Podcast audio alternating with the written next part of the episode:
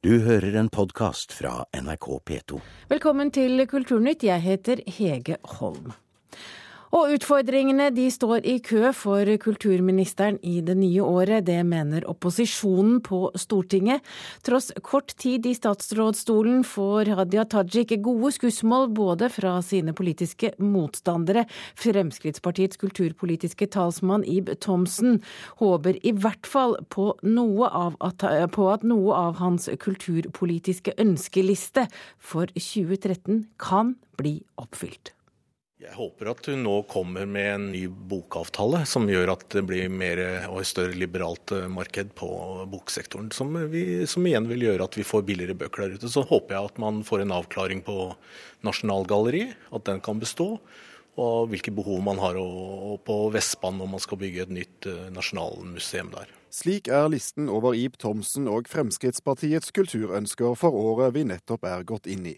Høyres kulturpolitiske talsmann Olemic Thommessen ser frem til en mer prinsipiell kulturdebatt i forkant av stortingsvalget, og en klargjøring i mediepolitikken. Jeg håper jo først og fremst at hun vil gi eh, en tydeligere kurs i mediepolitikken. Den uh, har vi savnet uh, i tiden som har gått, også i høst. Så har jeg jo forventninger til en bredere kulturpolitisk debatt, ikke minst i makt perspektivet, som jeg mener er et veldig viktig eh, kulturpolitisk perspektiv. Og at det, dette kommer i kjølvannet av den rapporten som eh, Anne Enger Landstein vel er eh, forventet å legge frem i vår. Enger-utvalgets rapport er nå varslet å komme i februar, og skal evaluere regjeringens Kulturløfte 1 og 2. Opposisjonens evaluering av den ganske ferske kulturministeren må hun vel se seg fornøyd med, politiske uenigheter tatt i betraktning. Jeg syns hun har gjort en, eh, en, grei jobb. Hun er eh, tydelig og har en god tone. Det er uh, viktig. Så har jeg nok kanskje savnet litt på det politiske, men hun er jo enda tidlig i leken, så det er vel grenser for hvor store krav vi skal stille i forhold til det. Jeg syns dette året vi har hatt eh, bak oss og den tiden hun har sittet som statsråd, så har hun fungert eh, veldig bra i forhold til sånn som jeg ser det. Hun har vært en lyttende statsråd og hun har vært ydmyk i mange spørsmål. Så hvis hun fortsetter sånn, så syns jeg samarbeidet kan være godt mellom statsråden og regjeringen og Stortinget. Ja, Gode skussmål fra opposisjonens herrer Thomsen og Thommessen. Reporter her var Thomas Alvarstein Ove. Og nå har du kommet i studio, Hadia Tajik. Godt nytt år, og velkommen til Kulturnytt. Hjertelig takk, og godt nytt år. Ja, Nå hører du jo hva opposisjonen mener er dine viktigste oppgaver i det nye året. Hva mener du selv? Du, 2013 er i hvert fall en, eh, det er et år som eh, gir muligheten for å reise de store kulturpolitiske diskusjonene. Fordi det er, altså det er et år som består av eh, mange viktige kulturelle markeringer. Både språkåret, det er Munch-året. Det er et år der vi, feirer Ivar Aasen. Altså viktige elementer av vår felles kulturarv. Og jeg ser det sånn at det er en viktig del av min oppgave både å videreføre den kulturelle arven gjennom disse store markeringene som vi skal ha over hele landet, men òg å legge til rette for at eh, samtidens kunstnerskap eh, kan markere seg like sterkt de neste hundre årene som det Munch og Ibsen og Aasen har, har gjort for vår samtidskunst. Dette er jo store markeringer og jubileer som allerede er planlagt. Men når du kommer på kontoret i dag, hva er det du først vil sette i gang med? Hva noe haster? Noe av det som haster, er jo eh, arbeidet med bokloven. Det er medieeierskapsloven, det er loven om Kulturrådet. Det er det hele tatt eh, ganske mye viktig lovarbeid som er i gang, som eh, jeg gleder meg til å legge fram for Stortinget og diskutere med Stortinget. Jeg tror at både medieeierskapsloven og bokloven gir muligheter for viktige prinsipielle diskusjoner om hvor mye det er man skal regulere fra statlig side, og hvor mye man skal overlate til markedet. Og mitt utgangspunkt er jo at man skal regulere markedet på en sunn måte, sånn at eh, enkeltaktører ikke skal kunne misbruke sin markedsposisjon. Enten det er på bokmarkedet eller det er på meningsmangfoldet og meningsbredden som medieeierskap eh, handler om. Vi tar bokloven først. Når tror du den kommer? Den kommer om ikke så lenge. Jeg har eh, sagt det er ikke at, så lenge? Er det én måned, to måneder? Jeg har sagt at høringsnotatet skal bli lagt fram før sommeren, sånn at vi kan fremme en proposisjon for Stortinget før sommeren. Og det, det er vi i gang med. Hva slags lov blir det? Det som er viktig for meg med bokloven, er at man har leserne og forfatterne i sentrum. Altså at leserne skal ha tilgang til eh, brei litteratur eh, over, over hele landet. Og at forfatterne skal kunne konkurrere på like vilkår når bøkene deres kommer ut. Og det det da, eh, det det da er viktig, er å, å, ha god kontakt med eh, alle aktørene som er opptatt av å ha en god boklov som regulerer markedet på en fornuftig og sunn måte. Det betyr billigere bøker og at bokbransjen ikke får beholde sine privilegier? Det betyr at eh, altså det er ikke bokbransjen, bokbransjens privilegier som er viktig her. Det som er viktig her, er at leserne får tilgang på god litteratur over hele landet. Eh, og det betyr at eh, forfatterne må kunne konkurrere på innhold, og ikke bare på pris. Nasjonalmuseet på Vestbanen, når kommer det? Du, Det avhenger både av meg, men òg av lokale reguleringsplaner. Og der oppfatter jeg at vi har altså Både at Oslo kommune er opptatt av å få dette til på en god måte, og jeg er opptatt av å få til dette på en god måte. Og jeg håper at vi får det til i løpet av få måneder. Det er valgår. Mange lurer på hvordan du skal skille rød-grønn kulturpolitikk fra blå kulturpolitikk. Hvordan har du tenkt å gjøre det det neste halvåret? Det er jo eh, gode eh, og viktige diskusjoner som blir lagt opp til. og det, det som Jeg er glad for at Olemic Thommessen f.eks. tar opp dette med maktspredning når eh, han ble intervjua. Det er en viktig diskusjon. Og forskjellen der er jo at vi opplever at Høyre og Fremskrittspartiet, som jo er en sannsynlig regjeringskonstellasjon, de har jo i sine alternative budsjetter sine signalisert sannsynlige kutt på kultursektoren. Og det vil jo i praksis bety at det er markedskreftene som eh, vil kunne bli sittende igjen eh, altså som styrende for kultursektoren. Og når de òg i tillegg legger fram forslag om eh, sponsorstyring av kulturmidlene, altså at hvis, eh, hvis, eh, private investorer gir penger til kulturprosjekter, at det da skal være styrende for de offentlige midlene. Og det da, vil kunne ha den effekten at man vil oppleve økt kommersialisering innenfor kulturen. Og at det vil kunne være på bekostning av det som er smalt, det som er annerledes, det som er nytenkende.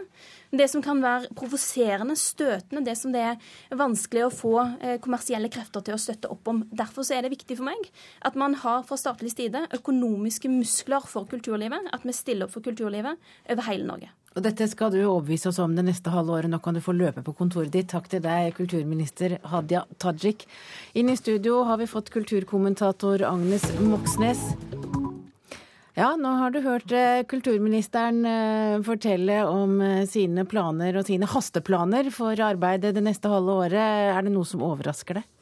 Nei, det er vel ikke det. Hun eh, er jo i gang med valgkampen når hun eh, begynner å skille mellom eh, blågrønn og rødgrønn kulturpolitikk med om man skal bruke mer penger eller mindre penger. Det er vel ingenting som tyder på at iallfall ikke Høyre så langt og Venstre har lyst til å kutte i pengene til kultur. Så jeg tror ikke det er der liksom, den store kulturkampen kommer til å stå i, i dette valgåret her. Du eh, skriver i en kommentar på eh, nrk.no på Ytring at nå må Tajik over, ikke bare overbevise velgerne, men også de som administrerer kulturen. Hva mener du med det? Nå er det jo altså slik at eh, kultur veldig sjelden blir noe sånn brennhet valgmat. Men hvis Kulturløftet 3, som det er det Hadia Tajik nå skal eh, sette i gang og, og utvikle, særlig etter at dette Enger-utvalget har levert rapporten sin nå i februar, så, og det viser seg at man f.eks. da ønsker å bygge ned det, de et, etter hvert liksom veldig sentraliserte maktkonsentrasjonene i kulturlivet. Så tror jeg at eh, den heftigste motstanden de kommer til å møte, det er fra kulturadministratorene selv. Eh, svensk forskning har jo vist at det er de som administrerer kulturlivet, som er de kraftigste bremseklossene for nytenkning. F.eks. når det gjelder da maktfordeling og regionalisering. Og så er det denne bokloven som man venter på. En boklov som gir større konkurranse i bokmarkedet, eller det er i hvert fall eh, det man Frp har lyst på. Men, men hva slags boklov er det vi får? Nei, altså Frp vil jo ikke ha noen boklov, og det vil vel etter hvert ikke Høyre heller. De vil ha en bokavtale, at man fortsetter å ha avtaler som man har nå. Eh, vi må regne med at den boklov, forslaget til boklov er rett rundt eh, hjørnet fra Kulturdepartementets side. Hvis ikke så rekker de ikke å få den igjennom i løpet av det halvåret som eh, kommer. Jeg syns det er interessant å høre når Hadia Tajik sier at det viktigste når man skal utarbeide en boklov, er ikke eh, eh, bransjen, altså forleggeriet, men at det er leseren. Så det blir veldig interessant å lese i hvilken retning en slik boklov kommer til å, å gå, hvilke formuleringer som finnes der når da endelig det kommer et forslag til en boklov. Det er jo noe som har vært debattert og diskutert svært lenge. Og som vi hørte, så kommer det antagelig i hvert fall før sommeren. Takk til deg, kulturkommentator her i NRK, Agnes Moxnes. Ja, for det skal handle om biografien om Raoul Wallenberg. Han eh, ble født eh, for 100 år siden i fjor, og Wallenberg er vel kanskje mest kjent fordi han mot slutten av andre verdenskrig reiste til Ungarn og reddet tusenvis av jøder fra konsentrasjonsleirene ved hjelp av svenske pass. Og i anledning jubileet har det utkommet flere biografier i Sverige om Wallenberg. En av dem har fått tittelen Det står et rom og venter på dig, og er skrevet av Dagens Nyheter-journalisten Ingrid Karlberg.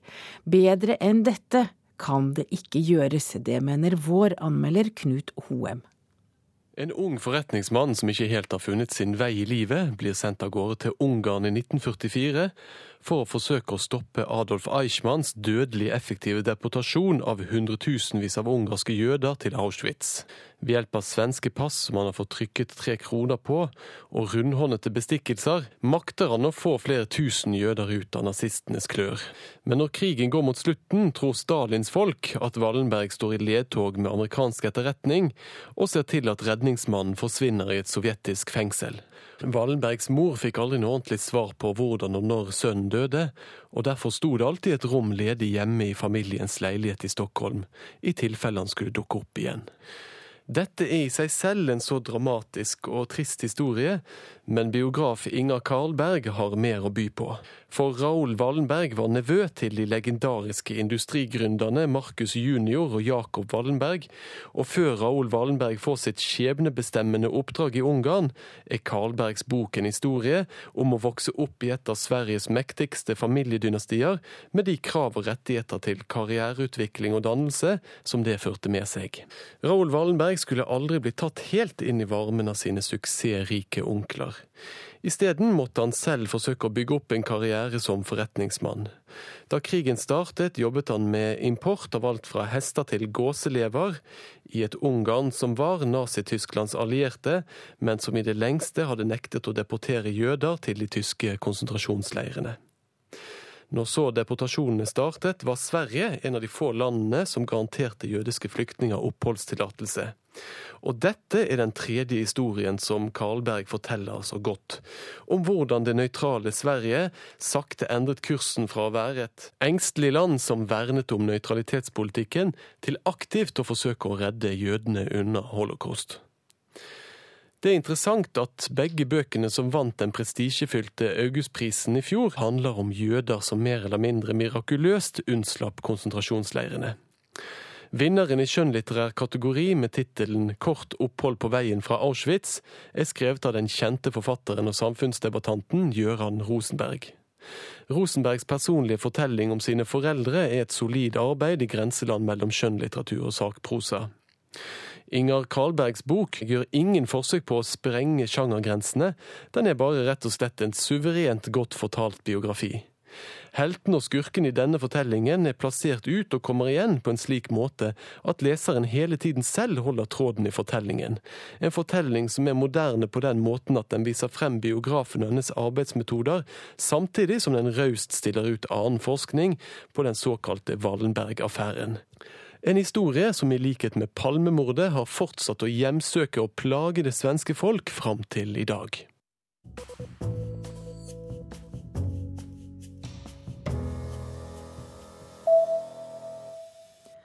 En norsk operaforestilling er på New York Times liste over beste innspillinger av klassisk musikk i 2012. DVD-innspillingen av La Boheme, produsert av Den Norske Opera og Ballett, blander gammelt og nytt med en sober tvist, skriver avisen. Innspillingen av forestillingen, som ble regissert av Stefan Herheim og dirigert av Eivind Gullberg Jensen, ble vist på NRK og mange norske kinoer. Den egyptiske komikeren Bassem Youssef blir etterforsket av den egyptiske stat for å ha krenket president Mohammed Morsi. Josef, som kalles Egypts svar på den amerikanske satirikeren John Stewart, gjorde narr av Morsis maktovertagelse i Egypt i sitt TV-show Al-Beramei. Advokaten som anmeldte komikeren, har tidligere saksøkt flere mediepersonligheter og politikere i Egypt. Voldelige dataspill er god hjernetrim. Forskning det amerikanske magasinet Scientific American Mind har gått gjennom, viser at spillerne bl.a. får bedre evne til å lære og til å ta beslutninger. Det skriver Vårt Land.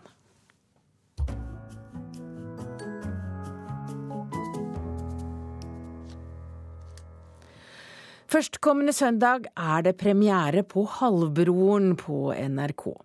Da Lars Saabye Christensen sa ja til at hans roman skulle bli til en TV-serie, satte han én betingelse. Gita Nørby må spille rollen som den gamle moren, en tidligere stumfilmstjerne med jernkarakter. Og siden forfatteren så Gita Nørby i rollen, spurte reporter Ugo Fermariello, Danmarks store skuespiller, hva hun så i halvbroren. Det, det er nesten ikke til å forklare. I alle fall ikke hurtigt. Øh, derfor at, øh, at læse Lars Soby Christensens roman øh, Halvbroren er en, en sådan livsoplevelse, vil jeg sige. Man blir ikke helt den samme, når man har læst den vidunderlige roman. Da blir man litt annerledes enn da man ikke hadde lest den. Den gør et enormt inntrykk på en, syns jeg. Og øh, da øh, jeg fikk å vite fra øh, vores regissør, Per Olaf Sørensen, at han tykte jeg skulle spille den gamle i Halvbroen, så gikk jeg selv klart hjem til København, og jeg hadde ikke romanen selv. Men jeg gikk til boghandleren og bestilte den og fikk den, og leste den i et sug, kan man si. Det er så øh, nærværende. Det er så annerledes det er skæbner øh, som er Du kan ikke om du, det, det er ikke krimi, men du kan ikke regne det ut. Det er så spennende å lese, og derfor håper jeg også det blir spennende å se. Men, men, kan du beskrive hva slags kvinne hun er blitt til?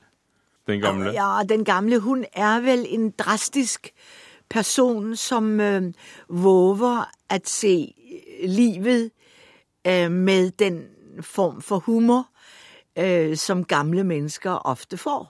Gita Nørby, mange husker deg for mange sterke kvinner. Jeg må jo nevne Ingeborg Skjern ja. fra Matador. Ja. Fordi det er så vanskelig å ikke tenke på ja, Matador når jeg møter deg. Hva betydde eh, den rollen for deg? Ja, men eh, Jeg vet ikke hvordan man skal svare på hva det betyr. Men det er jo så stor en glede å være med i nogle ting, som du for eksempel sier, det opptar meg. Det må vi øh, tale om. Altså, vi, vi laver så mange ting, og så glemmer vi det. Men der er altså noen ting man ikke glemmer. Og man glemmer ikke Matador. Og det er fordi historien og Ingeborg og de, alle de andre, de setter et spor som vi husker dem. Og det er jo det som er det viktige, og det er det der er det værd. Så det er det der betyr noe, hvis du bruker det ordet betyr. I fjor kom det en biografi om deg, ja. og i den så sier du at uh, du er et dypt rasende og meget elskverdig menneske. Ja. Hva er du rasende på? Um, jeg kan bli rasende på um, um, På smålighet jeg kan bli rasende på at vi ikke er øh, takksomme nok i vores verden. At, øh, at vi er så egoistiske og har så litt empati for andre. At man ikke tenker på andre. At man bare sitter med sin iPad og bare titter inn i iPaden, men du titter aldri inn i noen øyne. Og jeg vil heller se inn i øynene enn jeg vil se ned i min iPhone. Jeg har en iPhone, og jeg har en Mac, og jeg har det hele. Og, og ja, ja, men øh, jeg holder av mennesker. Og det er det som er det viktigste for meg. Og det er vel det som gjør at du er elsket. Og det som er spesielt, Gita Nørby, er jo at ofte er jo teatret og også filmene vi lager i de forskjellige nordiske landene, veldig nasjonale. Men ja. du er kjent og elsket på tvers av grensene. Ja. Har du selv noen forklaring på hvordan du klarer å, å, nå ut? Nei, det har jeg egentlig ikke, for jeg tror ikke det er noe man kan bestemme seg til. Det er ikke noe jeg kan lære å gjøre. Det er på en eller annen måte en gave eh, som jeg har fått. Og det er den jeg skjøtter om så godt jeg kan. Men det er ikke noen ting som, som ligger under juletreet, og som man pakker ut, og som man får. Det er noe man har og er i sitt sinn og i sitt hjerte, tror jeg. Det er ikke noe du kan be om. Når du ser deg tilbake, hvilken vei har du gått? Ja, det er et godt spørsmål, fordi jeg, jeg kan ikke spille skakk. Jeg er ingen strateg. Jeg, jeg planerer ærlig talt ikke særlig mye. Snille folk ringer og spør her skal du se, her er noe, vil du ikke være med i det? Jo, det blir da sjovt, tenker jeg. Vi får lese det, ja, det gjør vi jo, det gjør vi da. Og sånn er mitt liv faktisk gått. Jeg har møtt livet øh, som en overraskning, faktisk, hele tiden. Så det har flyttet meg. Jeg er blitt flyttet og puffet til og Øh, puttet ned under jorden og opp igjen. Og, ja. Men jeg har tatt del i livet. Jeg har ikke holdt meg tilbake. Rett før øh, jul så fikk du en nordisk språkpris, som vi hørte om også her i Kulturnytt. Og nå hører jeg at du, du legger jo til noen norske ord, og du taler jo ikke pæredansk til meg. Nei, jeg, jeg forsøker å gjøre det sånn så skandinavisk, kan man si, som mulig. Men er, er det sant det at danskene knapt forstår hverandre lenger? Ja, det er faktisk litt et problem for oss danske. Øh, for meg å se er det at øh, vi ikke elsker vårt språk nok. Vi tjusker sjusker det vekk, faktisk. Og så anvender vi så mye computerspråk i vårt danske. Så det Jeg vet man kan ikke si det ved å forsvinne, for det passer ikke. Men um, Men er det noe i at uh, unge skuespillere ikke de, de ikke Er så artikulerte som Ja, ja det, det gjør de ikke. Og øh, iblant så syns så, øh, Hvis jeg gjør noen ting i, i Danmark øh, på TV, eller noe, så kommer de og så sier de til meg Gitta, du behøver ikke tale så tydelig. Så sa jeg jamen altså, skal vi ikke forstå den her historie vi beretter? Skal jeg bare sånn være utydelig? Nei, men de blir, de blir helt forskrekket, for jeg tror det har noe å gjøre med angst. At man ikke vil være tydelig, må jo være fordi man er angst. Jeg er jo ikke bange for å tale med deg. Hvorfor skulle jeg være det? Men om jeg nå var angst for å tale med deg, så ville jeg måske sidde sånn og snakke sånn, jeg vil ikke riktig Så kunne du ikke fatte hva jeg sier. Så her har vi hemmeligheten til å forstå hverandre? Litt, litt er den iallfall. Ja, og det sa Gitta Nørby til reporter Ugo Fermariello, og første episode av Halvbroren vises altså på NRK1 førstkommende søndag. Bak denne sendingen fra Kulturnytt sto Halvor Haugen, Hanne Lunås og jeg heter Hege Holm. Du har hørt en podkast fra NRK P2.